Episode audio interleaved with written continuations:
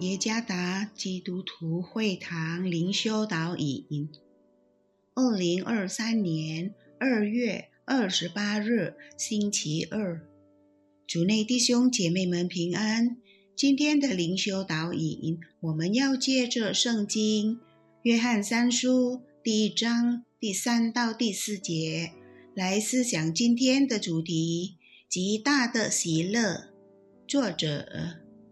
宋国寿传道，约翰三书第一章第三到第四节，有弟兄来证明你心里存的真理，正如你按真理而行，我就甚喜乐。我听见我的儿女们按真理而行，我的喜乐就没有比这个大的。最近网络上有一篇有关塔劳乌德一位农民心里很高兴的新闻。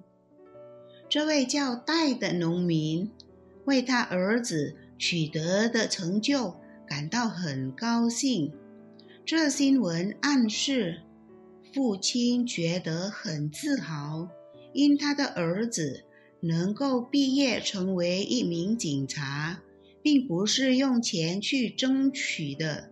不但如此，在数百名参加考试的学员中，也取得了很好的成绩，并获得了有关机构的奖状。每一位父母会因他们的孩子做了正确和好的事情。而感到自豪和喜乐。在今天的默想经文记录了使徒约翰的这个感受。虽然他不是那些收信者的生身之父，但他已经把他们当作自己属灵的儿子。当他听见他的属灵儿子们按真理而行的见证，他心中非常喜乐。D.A. Carson 在默想这节经文时提醒我们：大多数人，包括基督徒在内，所常描述的，并不是很有素质的喜乐。例如，有人因为工作得到晋升、财务状况稳定、身体健康。社交圈里受欢迎等等，感到喜乐。但是，使徒约翰对此有不同的强调。他见证说，没有什么喜乐比听到他属灵的儿子行在真理中的喜乐更大。活在真理中的信徒的见证。不但使他们属灵父亲使徒约翰高兴，也讨神的喜悦。但愿我们也有这样的喜乐。